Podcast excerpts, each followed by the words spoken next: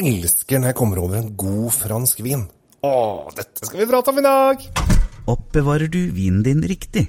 Med et vinskap fra Temptec lagrer du vinen i korrekt og stabil temperatur. Se mer på temptec.no.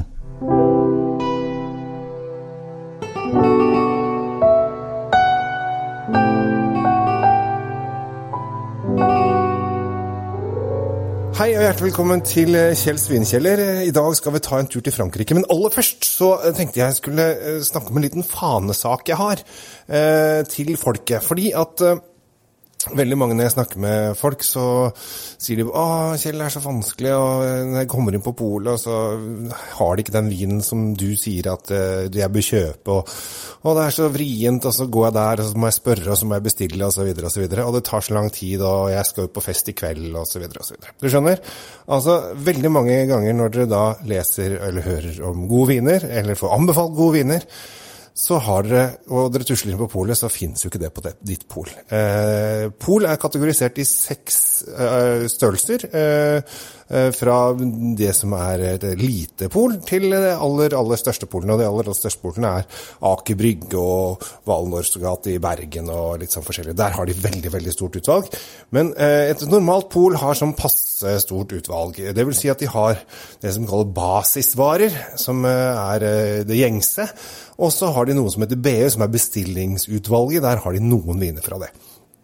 Og hvis du er på restaurant eller i selskap, eller hører noe jeg sier, og så tenker åh, ja, denne har jeg lyst til å prøve, eller den liker jeg, eller er på restaurant, den er god, så skaff deg Vinmonopol-appen.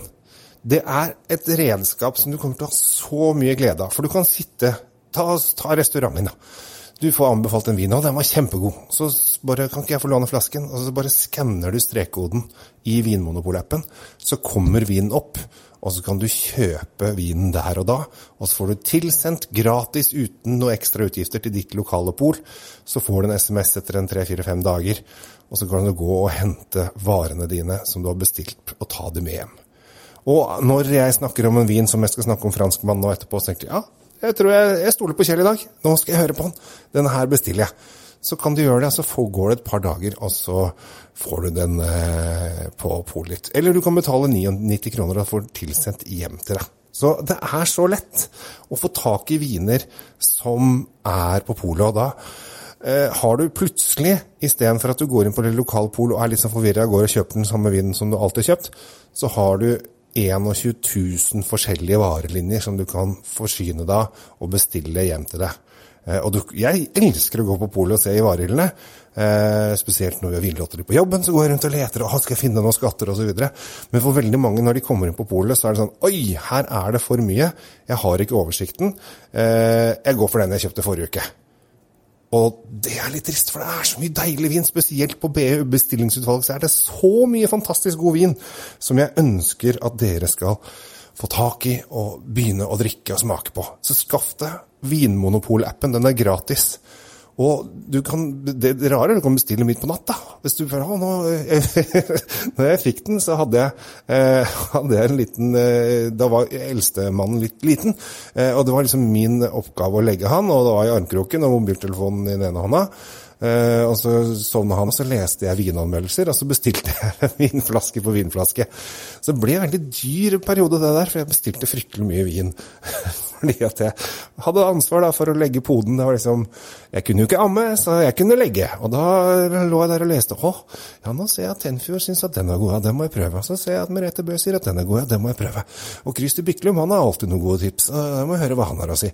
Og sånn ble det, vet du. Eh, og så, eh, så skaff deg den. Eh, du kommer til å få så mye gode vinopplevelser ut av det, tror jeg.